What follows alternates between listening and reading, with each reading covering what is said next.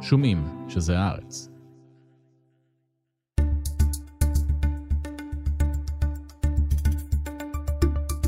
נתחיל מהוועדה לבחירת שופטים. בעד חברת הכנסת קארין אלהרר 58, נגד חברת הכנסת אלהרר 56, בעד חברת הכנסת טלי גוטליב 15, נגד חברת הכנסת טלי גוטליב 59. לפיכך נבחרה חברת הכנסת קארין אלהרר כנציגת הכנסת בוועדה לבחירת שופטים. הפודקאסט של הארץ, ליאור קודנר באולפן, אנחנו בפרק מיוחד בעקבות הדרמה הפוליטית סביב הוועדה לבחירת שופטים. איתנו שלושה, חיים לוינסון, מיכאל האוזר טוב, שלום. שלום. וגם רועי נוימן ממארגני המאבק. שלום. אז תכף נגיע אליך. עוד לפני זה, אנחנו רוצים להתחיל דווקא מה שקדם לדרמה הפוליטית. יום רביעי בבוקר, סביב 11 בבוקר, פתאום מגיע הספין הזה מלשכת ראש הממשלה. אה, כל מועמדי הקואליציה מסירים את המועמדות שלהם. מה קדם לזה? איך הגיעו? מי היה ה great mind של הדבר הזה? בערך בשעה תשע בבוקר מגיעים ללשכת ראש הממשלה בכנסת אה, שמחה רוטמן, בצלאל סמוטריץ' ויריב לוין, ומתחילים לדבר על כל העניינים האלו. לכאורה, לכאורה, לכאורה, תירוץ אה, אותה גברת טלי גוטליב, בסדר? אבל למעשה, מסכת הלחצים התחילה כבר לפני כן, לפני שבכלל התבררה בעיית גוטליב ועומקה. אה, והם מפעילים לחץ כדי לעשות את הכל שהוועדה לא אה, תיבחר בהרכבה המתוכנן של נציג קואליציה ונציג אופוזיציה. הטריק עצמו הוא לא איזה טריק גאוני, כן? זה בספר החוקים. אפילו הרי לא בחרו אתמול רק אה, נציגים לוועדה לבחירת שופטים, אלא גם לקאדים ולדיינים וכולי, אז באחד מהם השתמשו בטריק הזה. רצו לדחות ודחו בהסכמה את אחד המועמדים. אז זה לא איזה טריק גאוני, אבל כל מטרתם של כל האגף הקיצוני בקואליציה היה רק לדחות, לשבש בכל דרך שהיא.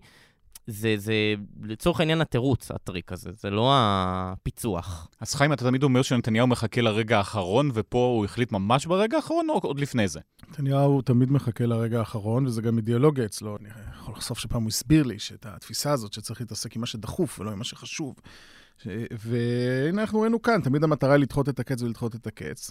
אה, הפעם זה קצת התפוצץ לו בפנים, כל אה, אסטרטגיית דחיית הקץ, בסדר, זו כן, זה התפוצץ לו בפנים, או שזו הייתה התוכנית? כי יש ספינים לכל הכיוונים כבר. תראה, אני חושב שנתניהו בסוף בבעיה בדבר הזה. זה, זה הנושא שיש בינו לבין רוב מצביעי הימין הבדל גדול. ועם השנים, הימין הפופוליסטי, שהוא רכב עליו ודרבן אותו, ויאיר המציא אותו וכן הלאה, התנפח לממדי ענק, והגולם במובן הזה קם על יוצרו. ואני חושב שהוא באמת בבעיה פוליטית מאוד מאוד עמוקה. אם זה היה תלוי בו, כל הנושא הזה לא עניין אותו מעולם ולא יעניין אותו בעתיד. הוא פשוט אדיש לכל הסוגיות הפילוסופיות, אה, אסטרטגיות האלה על שיטת המשפט של מדינת ישראל. אבל אה, אתה רואה שהוא נמצא פה בבעיה. אל, תת, תטעה, אם אתה עכשיו אה, עושה סקר בקרב מצביעי הימין, מה הם חושבים על המהלך של טלי גוטליב, למרות שהיא דפקה את הראש בקיר ולא הקיר נסדק, אלא הראש שלה נשבר. יצדיקו אותה. הנה, אחת שעושה ועומדת על האידיאולוגיה שלה, ו- ו- ופה... טלי גוטליב התחזקה, תכף תגיד. בקרב המצביעים חד משמעית, יש לך ספק, האוזר? אני חושב שזה כאילו התחזקות רגעית כזאת, אני לא... לא, לא שהמהלך שלה זוכה לתמיכה אצל מצביעי הימין. המהלך שלה זוכה לתמיכה אצל uh, הרבה מאוד מצביעי ימין, אפילו אצל מצביעי ימין ביביסטי, אבל היא גם מקבלת uh, קיתונים וטרוניות. זה, זה עובד לכאן ולשם. אבל אי אפשר להגיד שהיא זאת שהובילה לבחירתה של קארין אלהרר? זה לא משחק נגדה? אני לא חושב שאנשים חושבים כל כך הרבה צעדים קדימה. ו... זה לא כזה הרבה. לא, זה די, כי היא הייתה צריכה להסיר או לא להסיר את המועמדות, ובגלל זה נבחרה או לא נבחרה קארין אלהרר. לא יודע, זה, זה מסובך החשיבה הזאת. אתה אומר שהיא מקבלת הרבה דקות בתקשורת. וזה מה שחשוב? מבחינתה ברור. אני רוצה בכל זאת לייצג את עמדת האופוזיציה שחושבת שחשוב שיהיה נציג בוועדה. למה גנץ לא הביא נציג? למה בממשלת גנץ, למה כשגנץ היה לא היה נציג של אופוזיציה? קודם כל, בכל זאת כך מקובל גם אם היו חרדים. איך מקובל? גנץ, גנץ, אני מזכירה לכם, גנץ אהובכם. לא הייתה נציג, לא היה נציג. השאלה היא מבחינת נתניהו, מה האקזיט מהאירוע הזה? אקזיט אחד היה התחייה דרך השיחות בבית הנשיא. השיחות בבית הנשיא, אנחנו כבר מבינים שלא יובילו לכלום ושום דבר. אני מאוד מאוד מקווה, למען המשתתפים בשיחות, שהכיבוד הוא איכותי. עכשיו אנחנו... אני חולק, אני, אני חולק עליך. שמה, הכיבוד, הכיבוד לא איכותי? אה, א', לדעתי הכיבוד לא איכותי, וב', אני חושב שכן... זה לא בוולדורף? זה כן. נו, ואין אוכל טוב בוולדורף? פרווה. אה, פרווה, אוקיי, אז אני חוזר בי. אבל אנחנו מתקדמים קדימה. עוד חודש... זה מלון כשר. כמיטב המסורת במדינת ישראל, הכל עכשיו זה הכל... זאת אומרת, אפשר תוך שבועיים, אבל זה לא יקרה לא, תוך שבועיים, יחכו את כל החודש? אנחנו מתכנסים לשבועיים האחרונים של המושב, כמיטב המסורת. ולקראת השבועיים האחרונים של המושב, כמו שהיה בפעם הקודמת, כל הרוטמנים והסמוטריצ'ים יאיימו שהם הפעם מעלים את החוקים, ואני מניח שההפגנות הדועכות, ותכף אה, מר נוימן יתייחס לזה, וזה אך טבעי, יתגברו לנוכח תחושת החירום וה, והסכנה שתגיע בשבועיים האחרונים, ונתניהו יהיה בבעיה אמיתית, כי מצד אחד, הוא לא רוצה את הדבר הזה, הוא מיצה את הדבר הזה, ומצד שני, אה, הלחצים יהיו, מהבייס יהיו מאוד מאוד אה, כבדים. אה, את יאיר כבר הגלו, אולי הגלו גם את יריב לוין למיאמי, אולי זה איזשהו רעיון, אולי משרת הקונסול בניו יורק מחכה לו. והשאלה מה הוא יעשה אז, אני לא, אני לא יודע, אני חושב שאתמול המחיש לו שהוא נמצא בבעיה וכל האופציות שלו הן רעות. אני, אני, אני חושב אפילו מעבר לזה. אתמול זה היה ניסוי הכלים לקראת ההחלטה האמיתית שנמצאת על השולחן, ו, וכל הנוכחים בחדר כשדנו עליה התייחסו אליה. וזה האם לקחת את הדיל שמופיע כרגע על השולחן בבית הנשיא או לא. תסביר לנו את הדיל. הדיל הוא נורא נורא פשוט, בסדר? הוא מורכב משלושה חלקים. חלק אחד הוא הצהרתי בלבד, חסר כל חשיבות, מעין כזה להגיד שהמשפט חשוב לנו והכנסת חשובה לנו וכולי. חלק שני, שעולה לקואליציה זה הקפאה של כל ההפיכה המשטרית לתקופת הזמן הרחוקה, זאת אומרת, לא יודע אולי, בכנסת הזאת? אולי עד סוף הכהונה של הכנסת, אולי לשנתיים, שלוש, לא משנה, זה, זה קבורת חמור בסוף של אה, כל הרפורמה של יריב לוין. וחלק שלישי זה היועמ"שים ועילת הסבירות. הדברים האלה היו על השולחן אתמול, וכשנתניהו בסופו של דבר החליט לסרב ולדחות את הדיל הזה של נציג אחד לקואליציה ונציג אחד לאופוזיציה בוועדה לבחירת שופטים, הוא בעצם גם רמז מה נטיית ליבו, הרגעית לפחות, בקשר לדיל הכולל. הוא בעצם אמר לא לדיל הכולל, כי הרי זה היה ברור שזה דמי הרצינות. זה דמי הרצינות שהנשיא ביקש לגבות משני הצדדים. טוב, הוא יכול לשנות דעתו, כמו שאמר. הוא לא יכול, הוא משנה את דעתו, הוא שינה את דעתו, הוא עוד ישנה את דעתו, אין לי ספק בזה בכלל. אמר בערב, אנחנו צריכים לחזור לדיונים בבית הנשיא, למה האופוזיציה פיצצתם את זה? נכון, אבל ברגע האמת, כאשר הוא היה צריך לשלם את התשלום על הדיונים האלו בדמי הנשיא, הוא לא שילם. הוא התקפל לטובת האגף המשמעותי בקואליציה שלא רוצה את זה. וזה מה שיריב לוין אמר לו בחדר. יריב לוין לא מדבר על הוועדה לבחירת שופטים, זה מבחינתו אירוע טקטי בלבד. כי הוא לא מתכוון לכנס אותה. א', הוא לא מתכוון לכנס אותה, ב', אה, זה לא ממש משנה אם יהיו שם שני נציגים של הקואליציה, או נציג אחד של האופוזיציה ונציג שני של הקואליציה. ומבחינתו זה רק uh, מטבע, אפשר לסחור בזה, אנחנו ניתן להם את זה, נקבל איזשהו משהו אחר. אין לזה שום חשיבות בעיני יריב לוין. כל מה שהוא דיבר אתמול עם ראש הממשלה נתניהו, זה היה רק האם אנחנו כן מסכימים להקפאה ארוכת הטווח או לא מסכימים להקפאה ארוכת הטווח. רועי, אני רוצה לדבר איתך גם על רביעי בבוקר. אתם יושבים, מחכים לראות מה יקרה, כי אמרתם הוועדה לבחירת שופטים זה משהו מאוד חשוב. פתאום מגיע הספין הזה, ואז מה? אנחנו בימים לפני זה, האמת, היינו רגועים לגמרי שלא יקרה כלום, ואמרנו, בכל מקרה נתחיל קמפיין למקרה ש... ואנחנו מכירים את נתניהו מגירה. ואת ההתנהלות שלו, והעלינו קמפיין בימים לפני זה, אם uh, זה לא יקרה, הכל יתלקח. מגיע היום uh, רביעי בבוקר, טלי גוטליב יושבת בחדשות 12 ומתחילה להגיד את כל התוכנית, פשוט אומרת את זה בלייב, להקפיא וזה.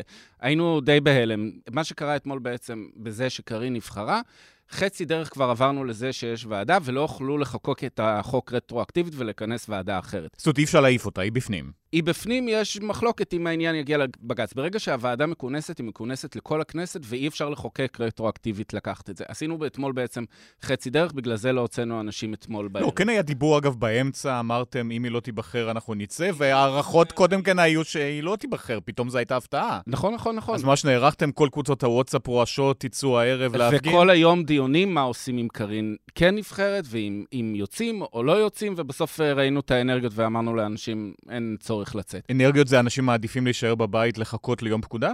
כן, ממש ככה. ולהגיע ב- בשבתות. לנו ברור שאם אנחנו מורידים את הרגל מהגז בשבתות, הם ירגישו שיש שעת כושר ויחוקקו את כל החוקים, ממש רפורמת לוין. אין לנו ספק שלשם הם ילכו. אז אנחנו יודעים שהתפקיד שלנו כרגע זה להמשיך לפחות עד סוף המושב הזה עם ההפגנות, כל סוף שבוע, להמשיך על הלחץ על הבתים. אגב, רוב הח"כים שלפחות חשודים כאלה שהצביעו בעד קארין, הבוגדים, כמו ש... שקוראת להם טלי גוטליב? אני לא קורא להם בוגדים. זה אנשים שאנחנו יושבים להם מחוץ לבתים כל יום ומפריעים להם בכנסים כל יום, וממש הולכים אחריהם כל יום, וברור לנו גם שהם לא רוצים שהאירוע הזה יתלקח לממדים הרבה הרבה יותר גדולים. זאת אומרת, למרות זה הם הצביעו נגד האינטרסים של הליכוד. בגלל זה. בגלל זה, כי הם, כי הם יודעים ש, שהלחץ עליהם יגבר הרבה הרבה יותר, כי זה גם בסופו של דבר האנשים שאנחנו מאמינים, שאם הדבר הזה באמת יבוא להצבעה, הם לא יהיו שם. שמי זה האנשים האלה לדעתך? זה ביטן, זה ברקת, זה אדלשטיין. החבורה הזאת, כולם אה, פחות או יותר אה, מכירים אותה. ואנחנו נמצאים מחוץ לבתים שלהם כל יום. אבל רועי, אני אה, קצת הרגשתי אתמול איזשהו משהו מוזר.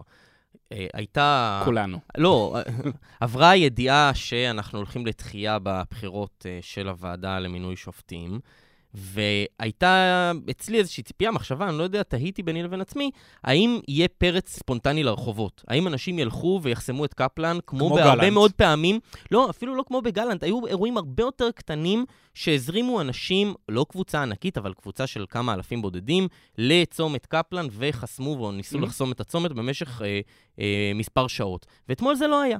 אתמול אף בן אדם לא הגיע באופן ספונטני, לקח את רגליו ושט אל עבר הצומת, בסדר?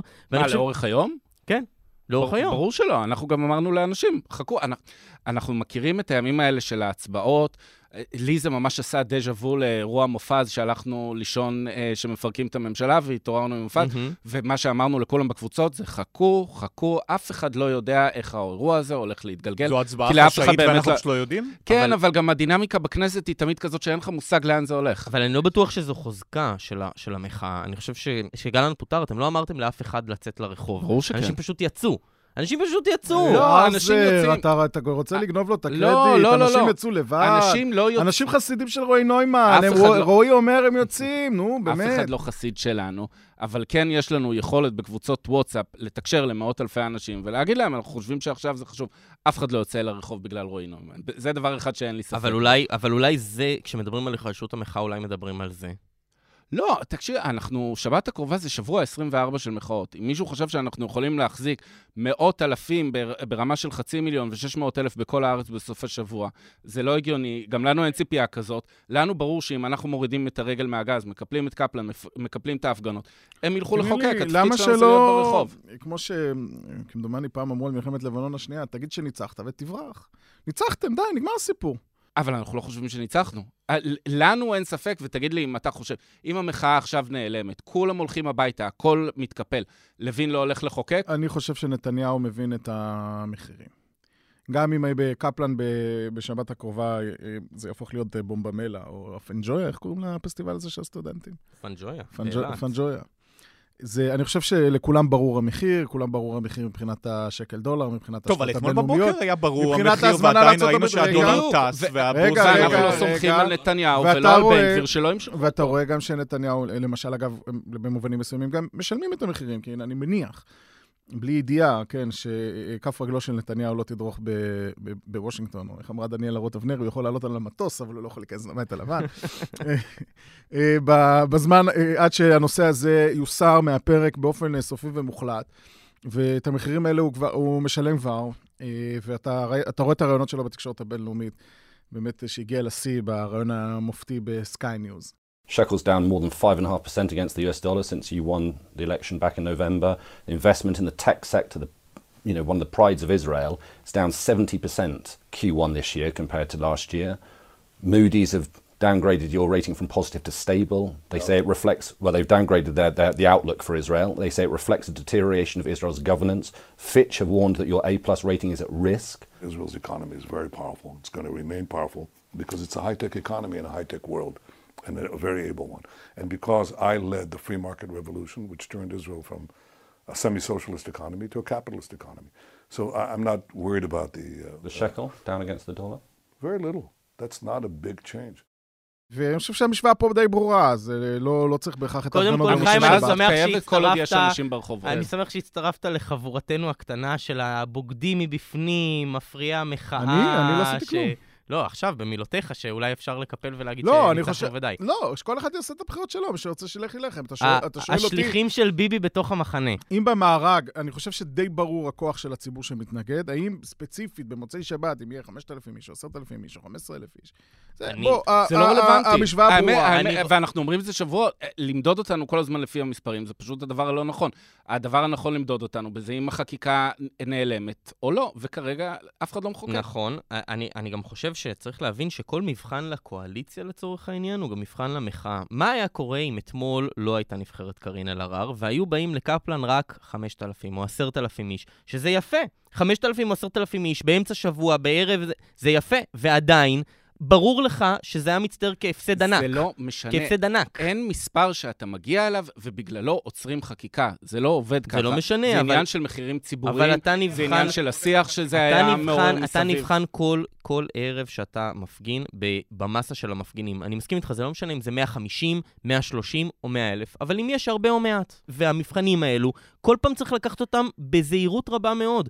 כי להיכשל במבחן כזה, יש לו גם מחיר, נו, אבל ויש דווקא לו גם בגלל. זה חיים אומר, עדיף היה לו להוציא זה- אתמול אתה- לאנשים, להגיד אני, וניצחנו וזהו. אני אה, אה, מסכים באלף אחוז, אני כבר אה, אתה יודע, במשך חוד, חוד, זה חודש, ממש מחזיר חודשיים אותי חושב את זה. לדיונים על 2011, אם המחאה הצליחה או לא הצליחה. הדבר היחיד שצריך למדוד את המחאה הזאת עליו, זה אם יש חקיקה או אין חקיקה. אגב, זה גם דברים שאנחנו שומעים מהאנשים בקואליציה, אם אתם תורידו רגל מהגז. לוין ילחץ על ביבי, בן גביר ילחץ על ביבי, סמוטריץ', שתנו לו תחושה שאין לו ממשלה, הוא, הוא הולך הביתה אם לא, תחוקק ולא תהיה לו ברירה. וכרגע יש אותנו מאזנת מהצד השני, שמבהירה, כל עוד אנשים יוצאים, יש מאזנת, והאירוע הזה לא עובר. יש נציגה בוועדה לבחירת שופטים, אבל אין ועדה לבחירת שופטים. נתניהו מנע היום את הקמתה ושם קץ להעמדת הפנים שפניו להידברות. פעם נתניהו היה רמאי וחזק, עכשיו הוא רמאי וחלש. בוא נדבר על האופוזיציה, אז שם גנץ ולפיד פתאום אתמול יורד האסימון, נתניהו רמאי ולא מתקדמים איתו בבית הנשיא? הם, אני חושב שהם לא נפלו מהכיסא בהיבט הזה. לא סתם... גנץ כאילו- במסיבת העיתונאים היה נראה בהלם. לא, אני אומר, הכותרות אה, בשערי העיתונים, מה שנקרא, היו ביום אה, רביעי, בחרו שני נציגים של הקואליציה ושל האופוזיציה, אבל אה, מבחינת אה, גנץ ולפיד, הם הסתכלו על זה כרגע מבחן משמעותי לאורך כל הדרך, צריך להגיד ביושר. אני חושב שיותר מאיתנו, העיתונאים, מבחן אמינות. זה ב- ביטוי יפה, מבחן אמינות לנתניהו. פעם אחר פעם זה ביטוי מאוד יפה. כן, התוצאה תמיד אותה תוצאה. כן. בסדר, אבל המבחן הוא אותו מבחן. אני חושב, למיטב ידיעתי, שנתניהו כן שוחח השבוע עם בוז'י הרצוג בטלפון והבטיח לו שההצבעה תתקיים השבוע ושייבחר נציג אחד של הקואליציה ונציג אחד של האופוזיציה. צריך להגיד, זה מוכחש גם על ידי נתניהו וגם על ידי בית הנשיא. אני מסופקני, אבל בסדר. ועובדה שהיה על זה הרבה רחש בחש, כן? אולי זה היה מבחן אמינות של בוז'י הרצוג, האם הוא יכחיש את הידיעה שלך ש... אל תדאג, הוא יכחיש כל דבר, אין לי ספק. תראה, אני חושב שיש הבדל בין גנץ לבין לפיד בכל הנוגע לשיחות בית הנשיא. כי הרי מה האסטרטגיה של גנץ באירוע הזה? והאסטרטגיה הזאת שלו די מוצלחת, כי היא מביאה אותו ל... הרבה ל- מנדטים כן, בסקרים. כן, לסקרים טובים, והוא לוקח את, לפחות את ההובלה התודעתית-ציבורית ב... כמנהיג האופוזיציה, ולא יושב ראש האופוזיציה הפורמלי, מר לפיד. הוא כאילו איש השלום, הפשרות, המשא ומתן, והוא לא איש הקיצוניות והדפיקת הראש בקיר, אלא הוא בא ב... באמת אה, מתוך כאב ודאגה לעתיד הציונות, הוא בא לעתיד השיחות בבית הנשיא. אז במובן מסוים, השיחות בבית הנשיא, הן גם משרתות אותו. ו... אבל השאלה מה האנד גיים שלו בשיחות בבית הנשיא. איך הוא יוצא מהשיחות האלה בבית הנשיא ומשכנע את המצביעים החדשים שלו, שהוא באמת היה ב... ב...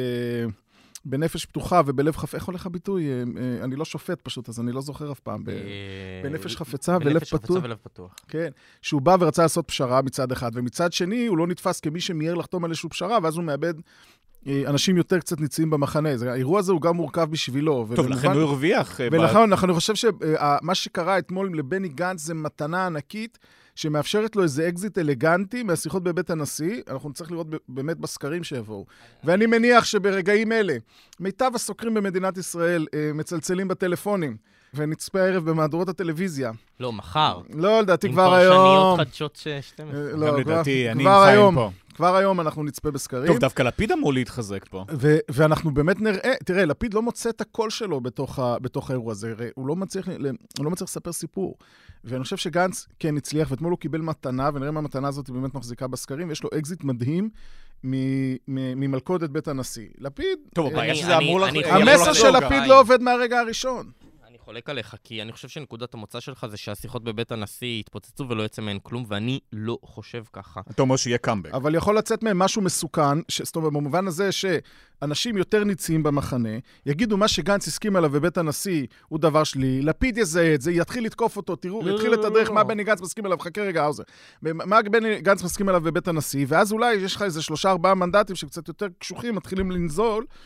מגנץ לכיוון לפיד בחזרה. אתה, אל תשכח שיש לנו פה, מעבר למשחק המהותי, זה הכל עזוב, פוזיצ- חיים, פוזיציות אתה אתה פוליטיות. מקשקש בשכל על כל מיני שני מנדטים לפה ושני מנדטים לשם, את מי זה מעניין? את לפיד, את גנץ, בסדר. את לא- ביבי. אה, בסדר. אני- אני חושב אה, הרבה יותר פשוט, בסדר? למה אתה מזלזל בי שאני מקשקש? חלילה לא תגיד, אולי, מזלזל למה, אנחנו פה. במליאה? מה, אני לא לא, מבין. לא, לא, חלילה לא מזלזל. תגיד, אולי אתה, אולי לא אומר דברי טעם, תגיד, אולי הנימוקים שלך הם לא, לא, טובים. אני פשוט, אני למה פשוט, מקשקש? אני פשוט מייצג אותך בדיון הזה, אתה מבין? אתה בדיון כן. היית אומר, למי אכפת אם שני מנדטים הולכים לפה, שני מנדטים הולכים לשם. אתה רואה שזה הכל מתנהל לפי הסקרים. כל האירוע הזה הוא אז, סקרים אז כולו. שנייה, אני רוצה להגיד משהו יותר פשוט בקשר לדיונים האלה, בסדר? חיים, היינו ביחד בהפגנה של אנשי הימין בתל אביב, נכון? נכון. וראית את האנרגיות שם. אני בכיתה ז' למדתי בשיעור פיזיקה על חוק שימור אנרגיה, בסדר?